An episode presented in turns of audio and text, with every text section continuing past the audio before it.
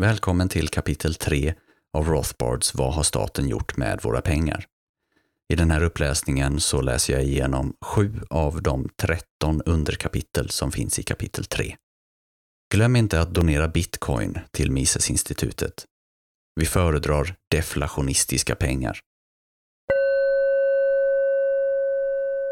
Kapitel 3 Statens trixande med pengar.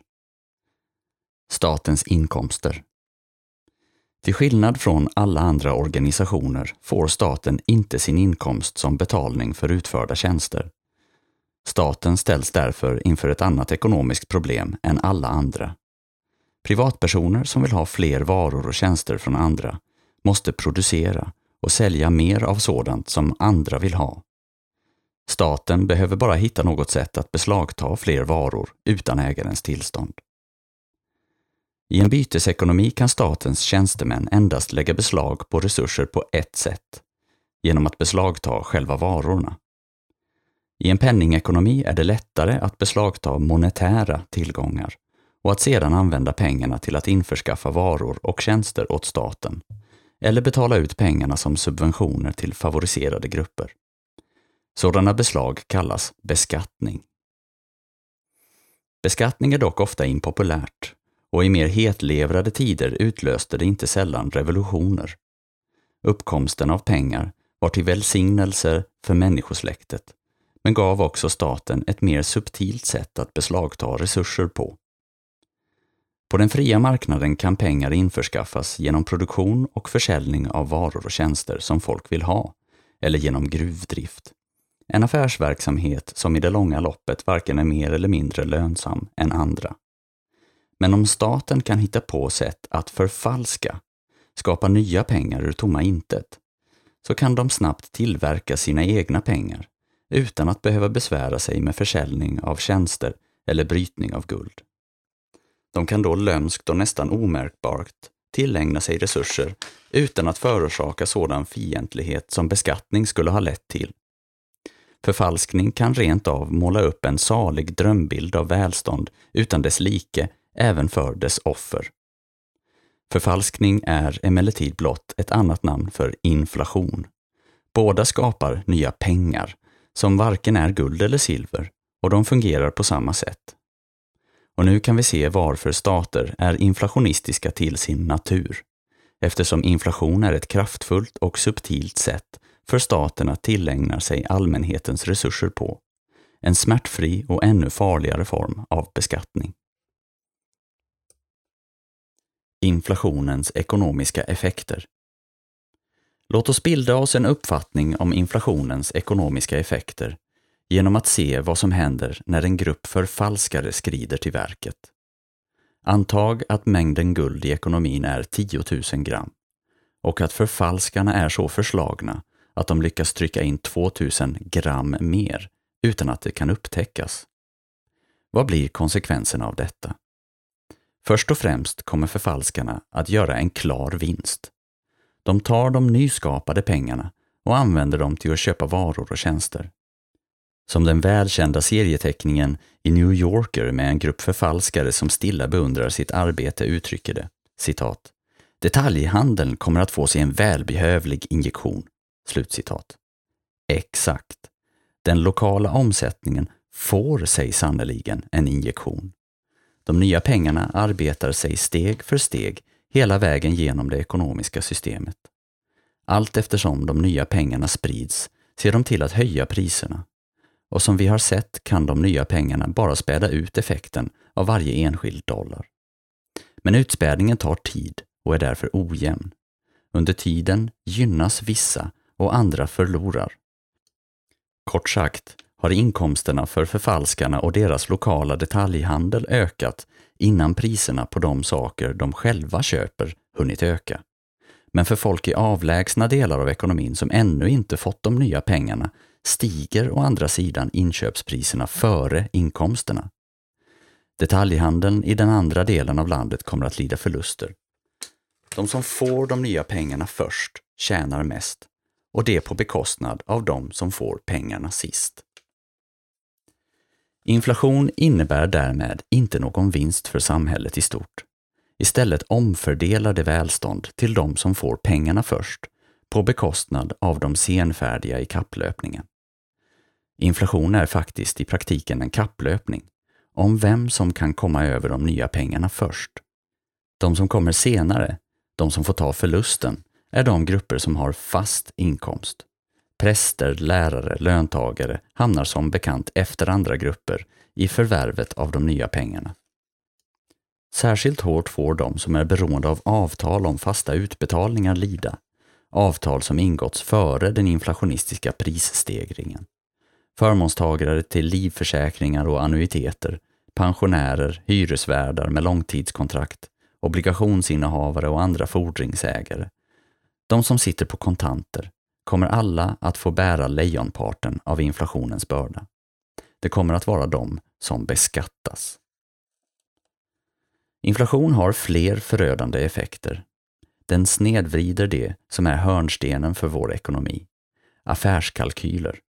Att alla priser inte ändras likformigt eller med samma hastighet gör det väldigt svårt för affärsmän att skilja det beständiga från det övergående och att bilda sig en sann uppfattning om konsumentefterfrågan och omkostnader. Till exempel är rådande redovisningspraxis att använda inköpspriset som en tillgångskostnad. Men om inflationen blandar sig i kommer ersättningskostnaden för en utsliten tillgång att vara långt högre än vad som står i böckerna. Som resultat kommer företagens bokföring att kraftigt överdriva vinsterna under inflation. De kan till och med konsumera kapital i tron att de ökar sina investeringar. På samma sätt kommer aktieägare och fastighetsägare att göra kapitalvinster under inflation som egentligen inte alls är riktiga vinster. Istället kan det hända att de spenderar delar av dessa vinster utan att inse att de därigenom konsumerar sitt ursprungliga kapital. Genom att skapa skenbara vinster och snedvrida de ekonomiska kalkylerna kommer inflationen att åsidosätta den fria marknadens bestraffning av ineffektiva företag och belöning av effektiva. Nästan alla företag kommer att se ut att blomstra. Det allmänna intrycket att det är en säljarnas marknad leder till att kvaliteten på varor och tjänster riktade till konsumenter sjunker eftersom konsumenter ofta skyr prisökningar mindre om de tar sig uttryck i form av sänkt kvalitet. Av mer subtila skäl sjunker kvaliteten på arbete under inflation. Folk förälskar sig i olika sätt att bli rika snabbt, till synes inom räckhåll i en tid av ständigt stigande priser och ser ofta ner på vanligt arbete. Inflation straffar också sparsamhet och uppmuntrar till skuldsättning eftersom alla lånade penningsummor betalas tillbaka i dollar med lägre köpkraft än vad som ursprungligen mottogs. Incitament är då att låna och betala tillbaka senare, snarare än att spara och låna ut.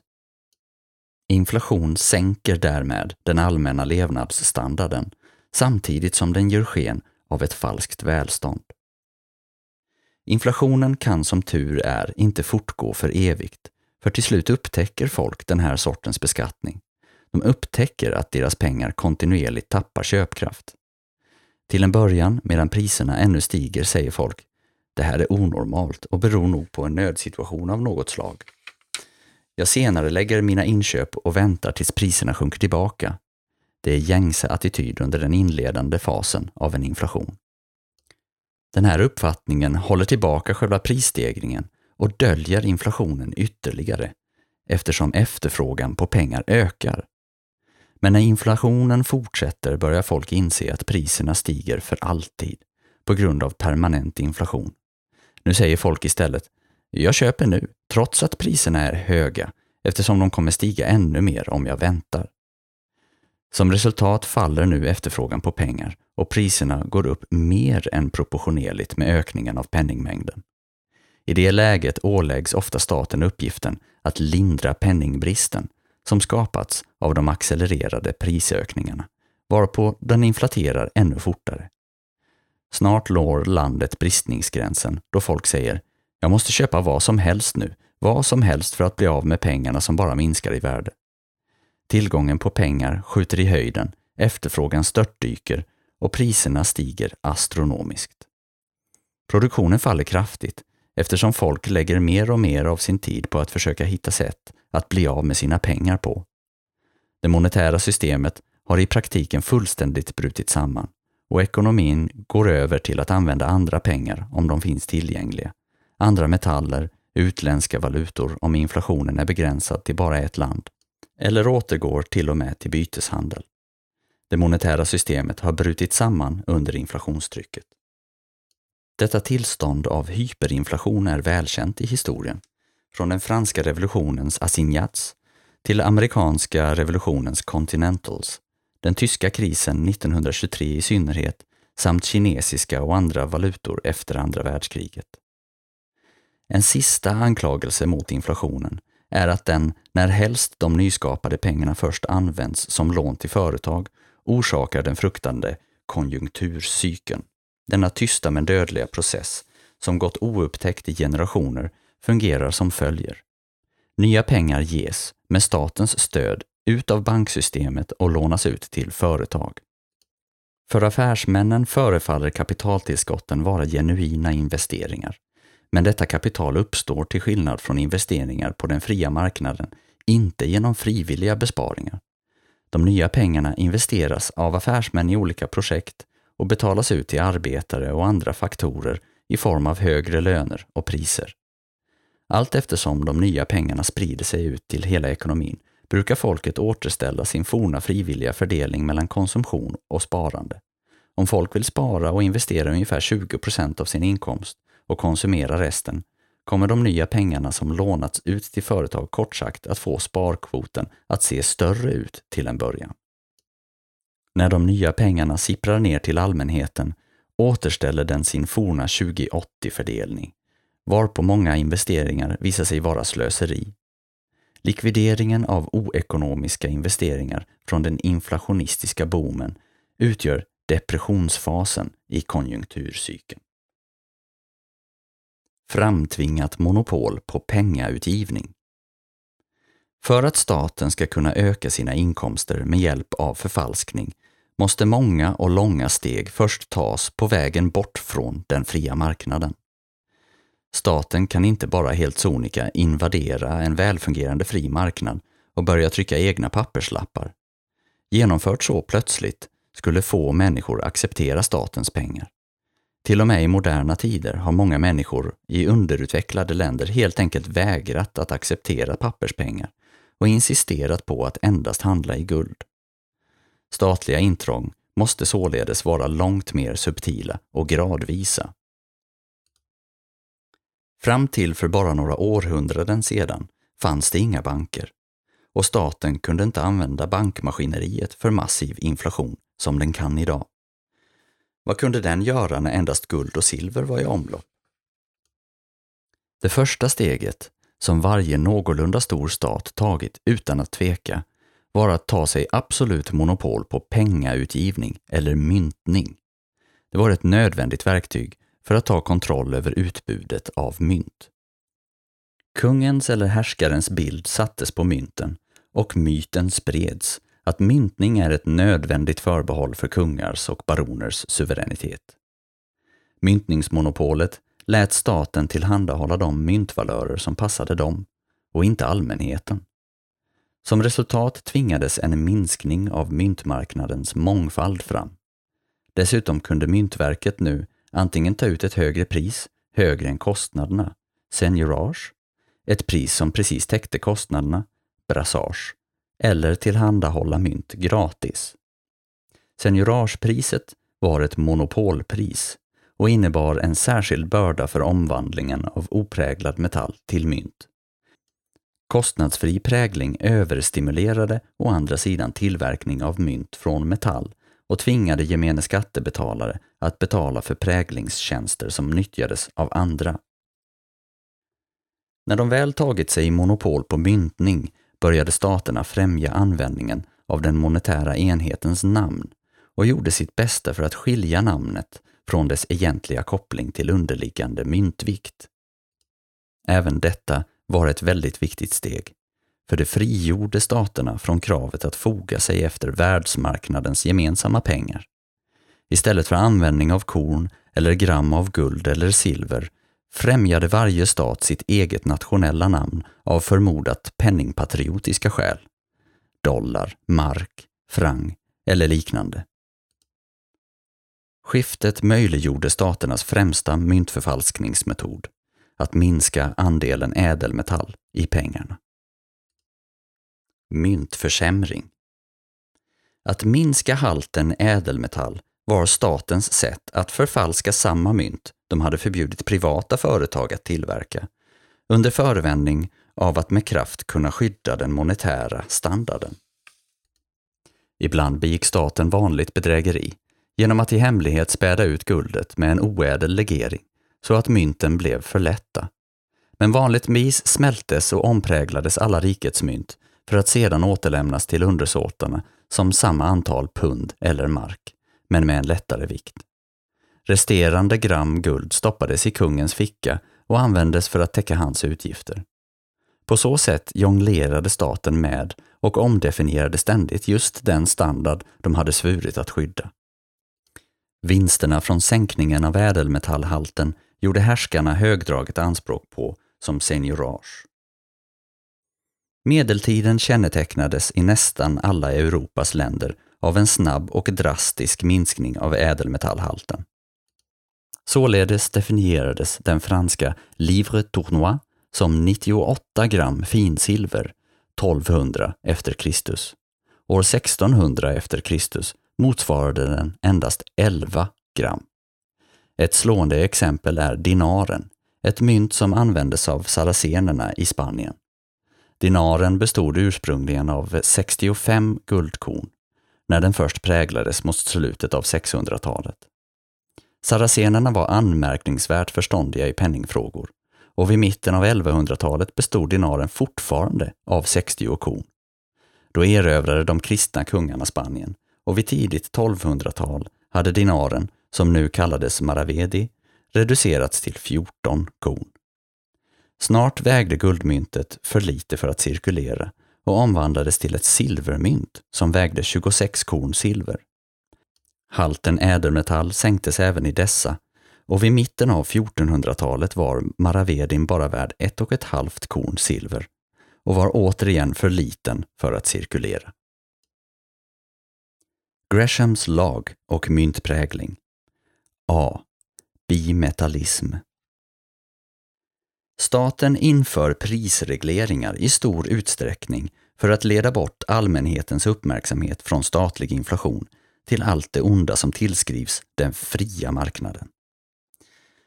Som vi har sett är Greshams lag att artificiellt övervärderade pengar tenderar att driva ut artificiellt undervärderade pengar ett exempel på helt normala konsekvenser av prisregleringar. Staten sätter i praktiken ett maxpris för en typ av pengar i termer av en annan. Maxpriser skapar brist, hamstring eller export på valutan som lider av maxpris, artificiell undervärdering, och leder till att den ersätts i omlopp av de övervärderade pengarna. Vi har sett hur detta går till i fallet med nya och utslitna mynt, ett av de allra tidigaste exemplen på Greshams lag. Staten ändrade betydelsen av pengar från vikt till namn och standardiserade valörerna för sin egen snarare än för allmänhetens bekvämlighet, samt kallade nya och utslitna mynt vid samma namn, även om de var av olika vikt.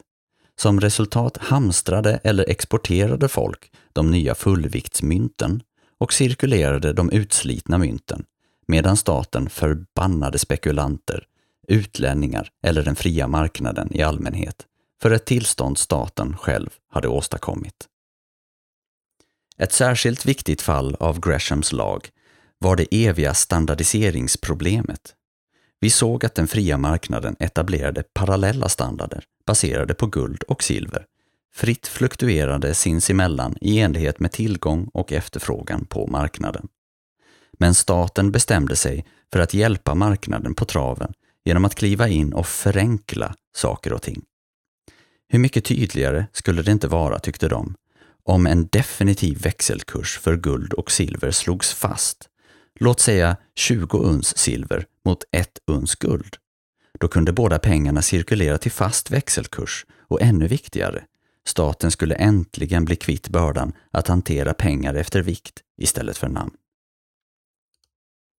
Föreställ dig en enhet, rur, definierad av ruritanierna som en tjugondels uns guld. Vi har sett hur viktigt det är för staten att få allmänheten att se på ruren som en abstrakt enhet i sin egen rätt, endast löst kopplad till guld. Hur skulle detta bättre kunna åstadkommas än genom att sätta en fast guld-silverkurs? Då blir ruren inte bara en tjugondels uns guld, utan dessutom ett uns silver. Den exakta betydelsen av rur, ett namn för en guldvikt, har nu förlorats och folk börjar tänka på ruren som något eget och konkret som staten av goda och effektiva skäl på något sätt har bestämt ska vara likvärdigt med vissa vikter av både guld och silver. Nu ser vi hur viktigt det är att ta avstånd från patriotiska och nationella namn för vikter och guld. När sådana etiketter väl ersätter de erkända internationella viktenheterna blir det mycket enklare för staten att manipulera penningenheten och ge den enbart skenbart eget liv. Den fasta guld-silverkursen, kallad bimetallism, åstadkom detta på ett väldigt smidigt sätt. Den åstadkom dock inte sin andra uppgift, att förenkla nationens valuta. För återigen blev resultatet enligt Greshams lag. Staten satte vanligtvis den bimetallistiska kursen, låt säga 20 mot 1, först till en kurs som gällde på den fria marknaden. Men marknadskursen ändrar sig med tiden, precis som alla andra marknadspriser, allt eftersom tillgång och efterfrågan ändras. Den fasta bimetalliska kursen blir oundvikligen föråldrad i takt med att förändringar sker. Förändringar gör att antingen guld eller silver blir övervärderat. Guld försvinner in på kontot, den svarta marknaden eller i export, allt eftersom silver flödar in från utlandet och ut från konton för att bli ensam valuta i omlopp i Ruritanien. I århundraden kämpade alla länder med de ödesdigra konsekvenserna av plötsligt alternerade metalliska valutor. Först flödade silver in och guld försvann. När förhållandet mellan deras marknadsvärden sedan ändrades flödade guld in och silver försvann. Efter århundraden av nedbrytande bimetalliska störningar valde staterna slutligen ut någon av metallerna till standard, vanligtvis guld. Silver förpassades till status som polettmynt för små valörer, men inte till sin fulla vikt. Även prägling av polettmynt monopoliserades av staten och eftersom de inte hade 100% täckning i guld var detta ett sätt att öka penningmängden. Utplånandet av silver som pengar skadade utan tvekan många människor som föredrog att använda silver för vissa transaktioner. Det var, som i bimetallisternas stridsrop, sant att ett brott mot silver hade begåtts. Men brottet var egentligen det ursprungliga införandet av bimetallism istället för parallella standarder. Bimetallism skapade en omöjlig situation som staten antingen kunde möta genom att återgå till total monetär frihet, parallella standarder, eller genom att välja ut en av metallerna till pengar, guld eller silvermyntfot. Total monetär frihet sågs vid det här laget som absurt och idealistiskt och så antogs för det mesta guldmyntfoten istället. B. Lagligt betalningsmedel. Hur lyckades staten upprätthålla sina prisregleringar på monetära växelkurser? Genom att bestämma vad som utgör lagligt betalningsmedel. Pengar används för betalning av tidigare skulder såväl som för nutida kontantöverföringar. När namnet på landets valuta väl tagit de faktiska vikternas plats i bokföringen började avtalen stadga betalning i givna summor av pengar. Bestämmelserna om lagliga betalningsmedel dikterade vad dessa pengar kunde vara. Så länge som bara de ursprungliga pengarna guld och silver betecknades som lagliga betalningsmedel såg folk det som harmlöst, men de borde ha insett att detta skapade ett farligt prejudikat för statlig penningkontroll. Om staten håller sig till de ursprungliga pengarna är bestämmelser om lagliga betalningsmedel överflödiga och onödiga. Å andra sidan kan staten utropa en valuta av lägre kvalitet till lagligt betalningsmedel, sida vid sida med de ursprungliga betalningsmedlen. På så vis kan staten bestämma att slitna mynt duger precis lika bra som nya att betala av skulder med, eller göra guld och silver ekvivalenta i fast växelkurs. Bestämmelser om lagliga betalningsmedel väcker då Greshams lag till liv. När bestämmelser om lagliga betalningsmedel fastställer och bibehåller övervärderade pengar har de ytterligare en effekt. De gynnar låntagare på bekostnad av långivare. För då tillåts låntagare att betala tillbaka sina skulder med mycket sämre pengar än vad de lånade. Och långivare svindlas på pengar som är rättmätigen deras. Denna konfiskering av långivares egendom gynnar dock enbart existerande låntagare. Framtida låntagare kommer att få bära bördan av den brist på kredit som minnet av statens plundring av långivare föranleder. Sammanfattning Staten och myntprägling Staternas ansträngningar för att ta kontrollen över ländernas pengar kulminerade i tvingande myntningsmonopol och lagstiftning om lagliga betalningsmedel. Som förstärkning till dessa åtgärder försökte alla stater förbjuda användningen av rivaliserande staters mynt. Inom varje enskilt land kunde nu endast landets suveräna mynt användas. Mellan länder användes opräglade guld och silvertackor för utbyten. Det löste upp banden mellan världsmarknadens olika delar ytterligare, splittrade länderna från varandra ännu mer och störde den internationella arbetsdelningen. Men helt och hållet hårda pengar lämnade ändå inte särskilt mycket utrymme för statlig inflation. Det fanns gränser för statens myntförsämring och det faktum att alla länder använde guld och silver satte definitiva gränser för vilken kontroll varje stat hade över sitt eget territorium. Härskarna hölls fortfarande i schack av den disciplin som en internationell metallvaluta innebar. Det var inte förrän penningsubstitut fick en framträdande roll under de senaste århundradena som statens kontroll över pengar kunde bli absolut och dess förfalskande obestritt. Uppkomsten av papperspengar och bankkonton, en ekonomisk välsignelse förutsatt fullständig täckning i guld eller silver, gav staten det magiska lösenord som öppnade vägen till makten över pengar och därmed över hela det ekonomiska systemet.